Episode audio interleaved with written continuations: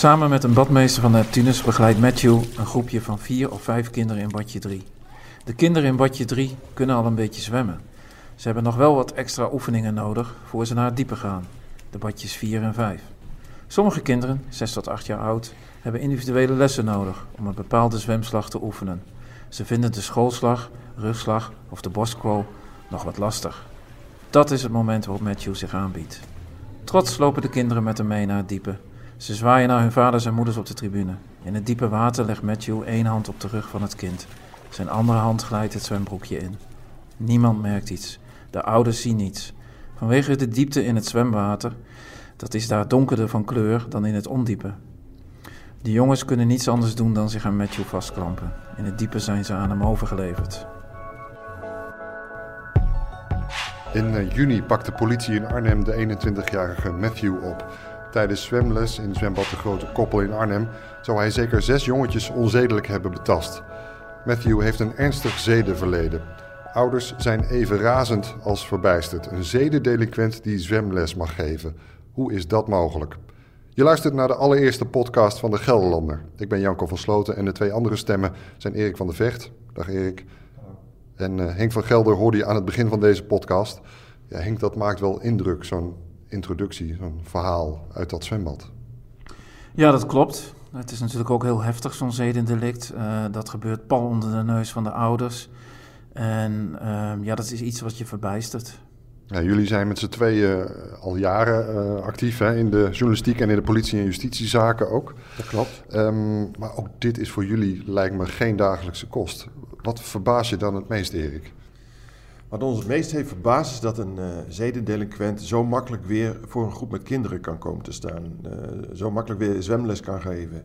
Terwijl uh, bij iedereen de seinen op rood had kunnen staan als er naar een, een verklaring omtrent gedrag was gevraagd. Dus een verklaring waar, waaruit het goed gedrag van iemand blijkt. Ja, zo'n verklaring moet je aanvragen als je normaal gesproken met kinderen in aanraking komt, hè, in veel gevallen. Ja, een, een, een stagiair in dit geval zou dat moeten kunnen overleggen. En daaruit blijkt dan dat jij geen crimineel verleden hebt en nooit met zeden in aanraking bent geweest. En daar is niet naar gevraagd, dus hij kon zijn gang gaan. Ja, en uh, wat het natuurlijk ook zo heftig maakt, uh, Henk, is dat het om uh, kinderen gaat en dat ouders toekeken wat er gebeurde en tegelijkertijd ook niks in de gaten hadden. Jullie hebben met ouders gesproken. Hoe is het nu met die ouders en ook met die kinderen? dat is moeilijk te zeggen, want ik denk dat de gevolgen nog heel langdurig merkbaar zullen zijn voor die gezinnen. Um, een moeder heeft ook verteld van um, hij heeft niet alleen mijn zoontje beschadigd, hij heeft ons gehele gezin beschadigd. En het leven van die mensen staat natuurlijk op hun kop sinds uh, mei. En, um, dus het is voor die mensen ook, denk ik, ja, die beleven gewoon helse maanden. Hun uh, kinderen worden verhoord door gespecialiseerde zedenregisseurs. Ze zullen waarschijnlijk psychische hulp nodig hebben.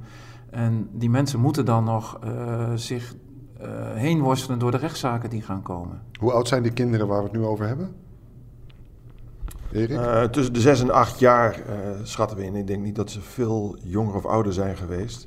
En uh, als aanvulling op Henk, we merken ook dat er heel veel woede gewoon zit bij ouders. Van hoe heeft dit kunnen gebeuren? Je, je gaat je kind, le levert je over, lever je over aan een zwemvereniging in dit geval. Uh, dan verwacht je dat dat allemaal uh, in goede banen wordt geleid. Daar heb je vertrouwen in. En dat vertrouwen is ernstig beschaamd. En daar, daar zijn ze heel erg boos over. De machteloosheid. Ja, de verdachte, in dit geval Matthew, is een uh, jonge man. Bekend bij justitie. Die had dus eigenlijk nooit zo'n VOG, zo'n verklaring omtrent gedrag gekregen. Als Klopt. hij dat had moeten overleggen. Wat weten jullie over hem? Henk? Ja, Matthew is opgegroeid in, in de buurt van Rotterdam. Um, uh, vlakbij Rotterdam, maar hij uh, verscheen opeens, was hij nog maar 13, in een speeltuintje in de wijk uh, Nesselanden. Dat is een Finexwijk. En in dat speeltuintje maakte hij contact met kinderen, ging die meespelen, et cetera. Hij bleef er ook lang hangen. Um, wat er gebeurde is dat een van die moeders zei van, nou ja, moet jij ook niet naar huis, hè? want die kinderen waren allemaal hartstikke jong. die waren ook tussen de, tussen de vier en acht jaar, dus die, worden, die zijn aan het voetballen en die worden ze naar binnen geroepen. En uh, op een gegeven moment zei die moeder van, moet jij niet naar huis? En nee, ik, uh, ik hoef nog niet naar huis. Dat bleek ook dat hij, uh, dat blijkt later uit de rapporten van onderzoeken, dat hij thuis ook niet heel erg fijn had. Hij um, heeft dus meegegeten bij dat gezin, zocht daar ook contact. Um, toonde zich ook afhankelijk van dat gezin. En vervolgens kwamen daarna de geluiden dat het daar ook vreselijk misging. 13 jaar was hij toen, hè? Hij was slechts 13 jaar, ja. Dat is, zeggen de deskundigen, ook vrij uitzonderlijk dat dat op die leeftijd gebeurt? Ja, dat is vrij uitzonderlijk, absoluut. Wat is er eigenlijk bij hem eh, vastgesteld? Want hij is natuurlijk uh, ook voor die zaken uh, veroordeeld. Ik neem maar dat hij onderzocht is. Het is geen normale man. Nee, zeker niet. Hij is ook, uh, voordat de rechtszaak in, uh, in Rotterdam begon, is hij ook uitvoerig onderzocht door deskundigen. Door psychologen, door psychiaters. Um, en die, uh, ja, die kwamen ook met een uh, onthutsend beeld van zijn geestelijke vermogens. Um, ja, die kun je echt wel omschrijven als zeer gebrekkig. En um, als ik het zeg maar populair moet vertalen, laten zijn hulpverlener van... Ja, Matthew kon je vergelijken met dat hij functioneerde op het niveau van een kind van drie. En ook die laat je niet alleen en onbegeleid buiten spelen. Nou heeft hij niet alleen dat niveau, maar hij heeft ook nog seksuele driften die hij niet kan beheersen. En um, dat heeft hij ook gezegd uh, al in Rotterdam tijdens de rechtszaak. Van ja, ik kan mijn, uh, mijn driften, mijn seksuele opgewondenheid, kan ik niet uitzetten. Hij is uiteindelijk veroordeeld. Wat heeft hij voor straf gekregen destijds, Henk? Nou, dan wil ik nog even terug naar wat de deskundigen adviseerden. He, die hebben de rechtbank echt gezegd, van zo'n kinderrechter vaart op deskundigen. En die hebben ook echt gezegd van, je moet hem niet opsluiten, dat helpt niet. Hij is 13 jaar, uh, wat je moet doen is hem uh, zo snel mogelijk behandelen in een gesloten jeugdzorginstelling. Uh, buiten het strafrechtelijk kader, zoals dat dan heet. En hij is in de Achterhoek terechtgekomen toen? Hè? Hij is toen in Harreveld terechtgekomen. Daar, zit een, daar hebben ze een landelijke zedengroep. Er zitten iets van tien kinderen, zeer gespecialiseerde hulpverlening. En um, wat de deskundigen toen destijds in Rotterdam aan de rechtbank hebben geadviseerd... is dat ze van als je hem daar behandelt... Um, dan zal het gevaar voor impulsdoorbraken, hè, die seksuele driften die hij niet kan uitzetten, en dus recidive, hè, het gevaar van herhaling, dat hij weer opnieuw de fout in gaat, zal dan afnemen. Dus wat ze gezegd hebben, we gaan hem, uh, de kinderrechter heeft dat advies ook overgenomen. Die heeft ook gezegd van, we gaan hem uh, behandelen, we laten Matthew behandelen en we gaan wel een straf opleggen, zodat hij wel een strafblad krijgt. Maar dat was uh, een voorwaardelijke straf. Hij heeft een voorwaardelijke pijnmaatregel gekregen. Hij heeft nooit echt achter de tralies vastgezeten? Nee, nee, ja, in zijn voorarrest. Ze hebben zeg maar, de straf was gelijk aan zijn voorarrest. Hij is toen aangehouden geweest, heeft een tijdje vastgezeten... en uh, de tijd waarin hij vast heeft gezeten in voorarrest is ook zijn straf geworden. Om hem maar zo snel mogelijk te kunnen behandelen... zodat hij snel uit die gevangenis kwam en direct door de specialisten behandeld werd. Ja, precies, dat klopt. Hij kwam dus in Harreveld terecht met een aantal andere jongeren nog... Um, normaal gesproken is dat een behandeling, zo heb ik in, jullie verhaal gelezen, die aanslaat en waarbij terugval, de terugvalkans heel klein is. In dit geval is dat dus mislukt. Enig idee hoe, hoe zoiets kan? Nou, ik denk dat hij daar heel goed behandeld is en heel goed begeleid is. Uh, en dat men dat ook absoluut wel kan in Harreveld. Maar ik denk dat deze jongen niet, uh, uiteindelijk niet te behandelen is vanwege zijn uh, geestelijke vermogens. Ik ben geen psycholoog en geen psychiater, maar ik denk wel dat, dat is het, het beeld dat je krijgt als je ook met Want dat is het beeld wat wij krijgen ook van, uh, van de mensen die wij gesproken hebben, die hem ook uh, op dat vlak goed kennen. Dus een heel triest geval eigenlijk. Ja, heel sneu. Henk, je zegt dus eigenlijk, hij is niet te behandelen. het gaat met deze jongen nooit goed komen. Erik, hij is uiteindelijk in Harreveld dus terechtgekomen, maar daar is hij ook weer uit weggegaan. Ja, Hoe is dat, gegaan? Um, eigenlijk heel simpel. Als je 18 jaar bent, uh, dan ben je volwassen geworden, dan uh, mag je die jeugdinstelling mag je verlaten. Uh, er is nog wel gekeken vanuit Harreveld um, of er een instellingen waren die hem zouden willen over, overnemen tot, tot een leeftijd van begin 20. Maar um, er waren geen instellingen te vinden die dat zouden willen.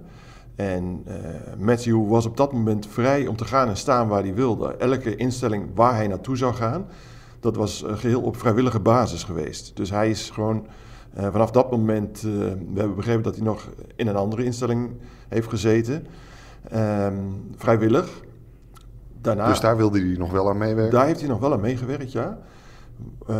daarna wordt het wat diffuus toen is hij op een gegeven moment uh, weer naar huis gegaan. En ook daar was hij vrij in, want het is allemaal op basis van vrijwilligheid. En kwam hij weer terug bij zijn moeder in, in Rotterdam. En daar is hij gewoon weer een opleiding gaan volgen om deel te nemen aan het maatschappelijk verkeer. En uiteindelijk kwam hij via die opleiding ook hier in het zwembad terecht. Ja, hij heeft een opleiding voor sportbegeleider gevolgd in Rotterdam. En daarvoor heeft hij een, een, stageplek gezocht. En die stageplek die vond hij bij zwemvereniging Neptunus in Arnhem. En om hem, omdat hij deze achtergrond heeft en begeleiding nodig heeft, ging hij ook op zoek naar een plek waar hij begeleid kon wonen. En dat vond hij bij eh, de CISA-groep. Ook hier heeft hij niet verteld welke achtergronden hij precies had, maar wel uh, waarom hij begeleiding nodig had. En dat had onder meer te maken met zijn geestelijk vermogens. Um, en er is niemand die doorvroeg wat er aan de hand dat was? Dat hoeft ook niet. Uh, op het moment dat jij uh, aangeeft, vrijwillig aangeeft van, nou ik wil graag begeleid wonen. En je hebt daar een verklaring voor, dat, dat, dat dat je, dat je dat zelf niet kunt, niet zelfstandig kunt wonen, dan uh, kan deze groep je uh, verder begeleiden, zeg maar. Toch is het, kan ik me voorstellen, dat heel veel luisteraars nu denken: wacht even, zedenverleden, sportopleiding, met kinderen werken, dat gaat toch niet samen?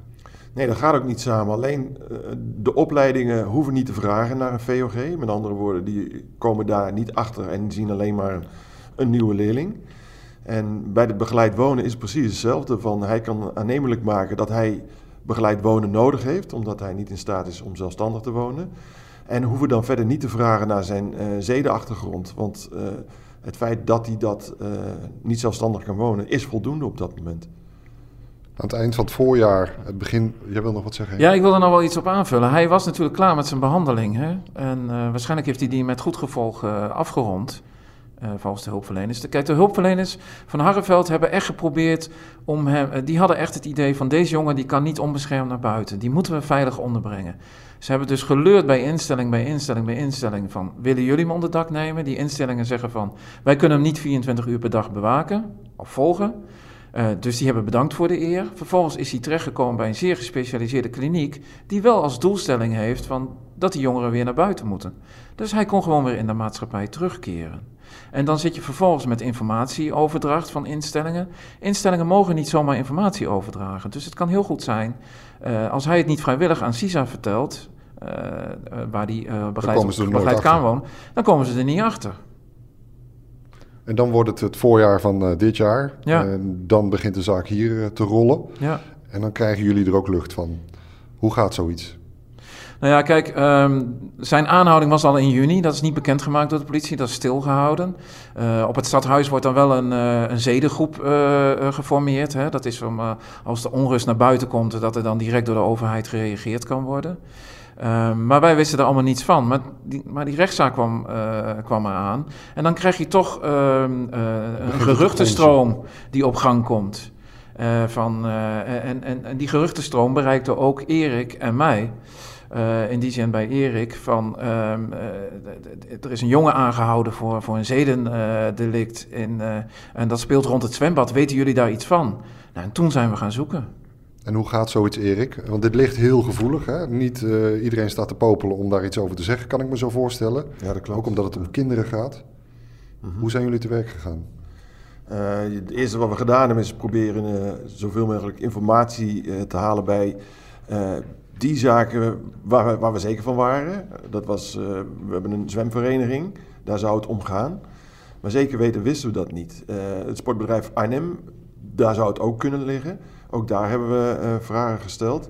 En een hele, je, je, je, gaat zo een heel lijstje met mogelijke plekken waar het zou hebben kunnen gebeuren, ga je af. En uh, daar kom je steeds dichterbij. Daar kom je steeds dichterbij. En dat duurde toch nog wel uh, behoorlijk lang. En ik denk vlak voor de rechtszaak, toen kregen we in één keer het bericht van, uh, nou daar en daar moet je maar eens zoeken. En dat is gebeurd. En toen hadden we het verhaal op een gegeven moment vrij snel rond, zeg maar. Ja, de, de vraag of deze kwestie te voorkomen was, hebben we eigenlijk al begin ja, even de revue laten passeren. Maar hij is wel op een opmerkelijke manier tegen de lamp gelopen. Hè? Want iemand kende hem en wist van zijn verleden en heeft aan de bel getrokken bij het zwembad. Ja, nou, dat, dat is niet helemaal. eh het laatste klopt wel, maar daardoor is hij niet tegen de lamp gelopen. En dat is mee, eh, nogal schrijnend, zeg maar. Dat Eh, had moeten gebeuren eerder. Dat had moeten gebeuren, ja, dat klopt. Ergens in eh, eind april, begin mei eh, komt deze eh, man, deze eh klokkenluider, laten we zo zeggen, die komt Matthew A. tegen bij zwembad de Grote Koppel. En die kent hem vanuit het verleden. En deze man die eh, begint met hem te praten van, goh, wat doe je hier? Nou, Matthew vertelt, eh, nou ja, ik ben sta- een stage, ik loop hier stage bij de zwemvereniging. En eh, daar schrok deze man van, want hij kende zijn zedenachtergrond. Ik denk, dit kan niet, dit mag niet. Hij heeft daar een aantal dagen mee rondgelopen en uiteindelijk besloten van, nou, dit moet het sportbedrijf Arnhem weten. Want hij dacht op dat moment nog, daar, hij, daar loopt hij stage. Hij heeft het doorgegeven aan een leidinggevende daar. En tot zijn stomme verbazing heeft hij er nooit meer iets over gehoord. Tot de publicatie eh, van, eh, van ons, van Henk en mij, eh, vlak voor de rechtszaak. En toen belde hij ons en zei van nou, wat mij nu is overkomen. En heeft hij het verhaal verteld over de tip die hij heeft doorgegeven. Waarom is er met die tip niks gebeurd? Ja, dat is, heeft eh sportbedrijf Arnhem eh, onderzocht. Ze zijn daar niet echt goed uitgekomen. Ze hebben daar protocollen voor. Dus eh, op het moment dat zo'n tip binnenkomt, dan weten ze precies wat ze zouden moeten doen. En waarom dat niet opgevolgd is, dat blijft gissen. Maar zie het als een menselijke fout. En het heeft geleid tot het ontslag van een, de bepaalde medewerker die het telefoontje in ontvangst genomen heeft. En die niet gedaan heeft wat de protocollen voorschreven. Precies, ja. ja Als, als dat wel was gebeurd, was de schade dan minder groot geweest? Nou, voor zover we hebben teruggezien, eh zijn in ieder geval twee kinderen zouden dan niet eh, door Matthew eh, misbruikt zijn. En misschien meer, maar dat kunnen we niet helemaal beoordelen.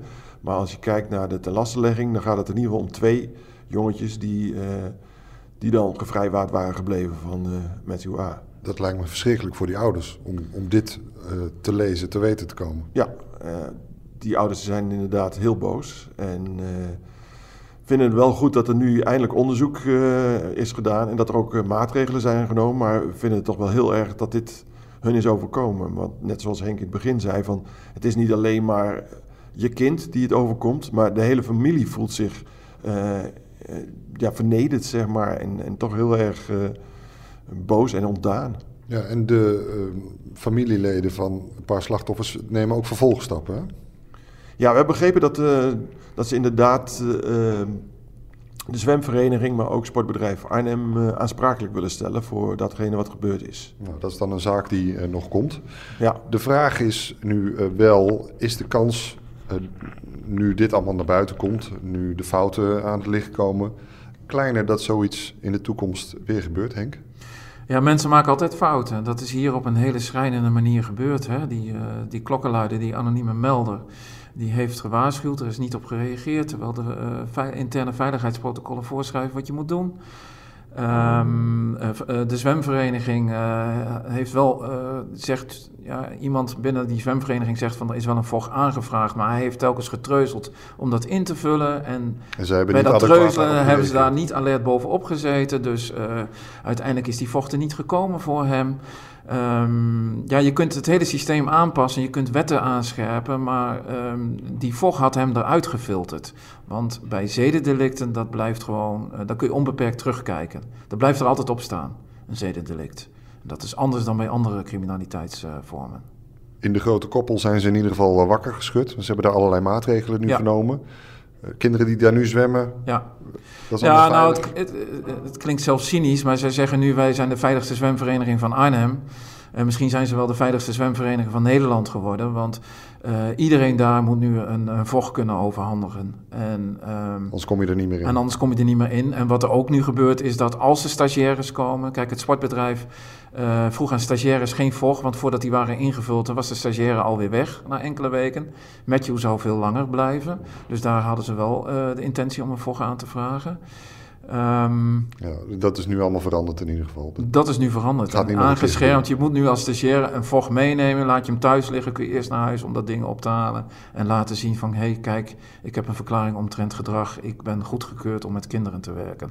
En dat is natuurlijk een hele schrijnende les, want in deze zaak zijn natuurlijk alleen maar verliezers. Ja, komende donderdag, 7 november. Eén ding daaraan toevoegen, dat de zwembond, die hebben we ook gesproken, en die zei van... wij vinden gewoon dat zwemverenigingen uh, verplicht uh, naar een vocht moeten vragen. Alleen dat is iets wat wij vinden, het is niet wettelijk vastgelegd. En daar zou ook nog wat winst behaald kunnen worden, wellicht? Daar zou winst behaald kunnen worden, ja. Maar dat moet dan vanuit Den Haag, ja, politiek Den Haag. er zijn ook wel Kamervragen over gesteld inmiddels. Komende donderdag begint de rechtszaak, of is, is, er in ieder geval een, volgende stap in deze zaak. Jullie zijn daarbij. Wat verwachten jullie daarvan? Wordt dat emotioneel? Zijn er uh, ouders bij? De vorige keer waren er ook ouders bij bij een, uh, een proforma-zitting. Ja, de vorige keer was het een emotionele bijeenkomst. Want toen was het voor het eerst dat de ouders Matthew weer zagen. En er zaten denk ik ook een ouder of acht zaten in de zaal. Um, ja, dat, dat leidde tot heftige reacties. Eén vader die opstond en riep aan het eind van de rechtszitting van... Uh, kijk me aan, kijk me aan. Die wilde echt Matthew in de ogen kijken. Um, uiteindelijk is hij met politiebegeleiding weggevoerd. De vader? Nou nee, de, de, de verdachte, Matthew zelf. En er is wel een soort cordon, cordon opgericht om, om geen confrontatie verder tussen die twee te krijgen. Uh, hoe dat aankomende week gaat, weet ik niet. Het zou kunnen dat het uh, um, heel kort uh, afgedaan wordt met een. nou, we bepalen alleen een nieuwe planning voor de rechtszitting. Ja, het is nog een voorwaardelijke zitting. Hè? En uh, omdat hij vastzit, uh, moet hij nu voor een tweede keer vastkomen. Dus, voorkomen. Maar we weten dus ook helemaal niet of hij nu wel aanwezig is. tijdens de eerste proforma-zitting, zoals het dan heet, is afgesproken dat hij opnieuw onderzocht gaat worden door deskundigen. Dus het kan best zijn dat, het, dat men daarop wacht. En dat ook dat de stand van zaken is. Tijdens een voorwaardelijke of voorlopige rechtszitting wordt ook gezegd wat de stand van zaken is. Ga gewoon door. nee, tijdens zo'n uh, voorwaardelijke uh, rechtszitting is het nog geen inhoudelijke behandeling van de zaak. Uh, maar wordt, gaat het vooral over de stand van zaken qua onderzoek. En wat ik verwacht is dat men daar ook vaststelt dat hij onderzocht, eerst onderzocht gaat worden door deskundigen. dan moet dat rapport nog worden opgemaakt. En dan zal het nog wel even een tijdje gaan duren voordat de inhoudelijke behandeling aan bod komt. Henk, hoe zat hij erbij de vorige keer? Ja, um, dat was de eerste zitting. Dat was een, uh, een, een, de eerste voorlopige rechtszitting. Was ook in een kleine rechtszaal. Dus uh, wij zaten, Erik en ik zaten pal achter hem. Um, het leek wel of hij helemaal niet bij was. Hij, en alles gelaten over zich heen liet gaan. Um, de beschuldigingen werden hem natuurlijk voorgehouden door de officier van justitie. de rechtbank vertelde hem wat er ging gebeuren. maar wij zagen geen enkele reactie bij hem. Dus ook geen spijt? Nee, geen spijt. Die vader die zo uh, emotioneel opsprong en naar hem toe liep, waarbij de pakketwachten ook uh, ertussen sprongen, die zei ook van Matthew, kijk maar aan, kijk maar aan. Ja, die zei later tegen ons, na afloop van de zitting, van ja, ik zag alleen maar een lege blik. Ik zag eigenlijk niks. En um, ja, dus ook geen enkele emotie. En hij is daarna weggeleid via een zijdeur naar, naar het cellencomplex. Hoe de uitkomst van de rechtszaak eh, precies is, dat is afwachten. Jij zei al, Henk, ja, zo'n man moet eigenlijk niet meer naar buiten kunnen met dit gedrag. Is dat iets waar je rekening mee houdt? Dat hij uh, zo nou, lang behandeld gaat worden dat hij niet meer naar buiten kan Nou, komen? kijk, hij is nu 21. Hij had natuurlijk al een voorwaardelijke uh, pijnmaatregel, heeft hij al op zijn strafblad staan. Dat is een jeugd-TBS. Dus ja, ik denk, dat, ik, ik kan het niet inschatten, of zover ik het kan inschatten, zou het heel goed kunnen dat de deskundigen uh, opnieuw vaststellen dat, ze, dat hij uh, beperkt toerekeningsvatbaar is. Um, of helemaal niet toerekeningsvatbaar. Ja, en dan zal er waarschijnlijk, zeer waarschijnlijk weer een, een, TBS-advies uitrollen. Jullie doen een uitgebreid uh, verslag van die rechtszaak. Te volgen via onze app ook. Download hem, Gelderlander app. En onze site. En natuurlijk ook in de vertrouwde papieren krant. Henk van Gelder, Erik van der Vecht, dank. Dank voor het luisteren ook naar deze podcast van de Gelderlander. En heb jij als luisteraar nu vragen of opmerkingen over deze podcast of over deze zaak? Laat het dan weten. Mail naar redactie.arnhem.gelderlander.nl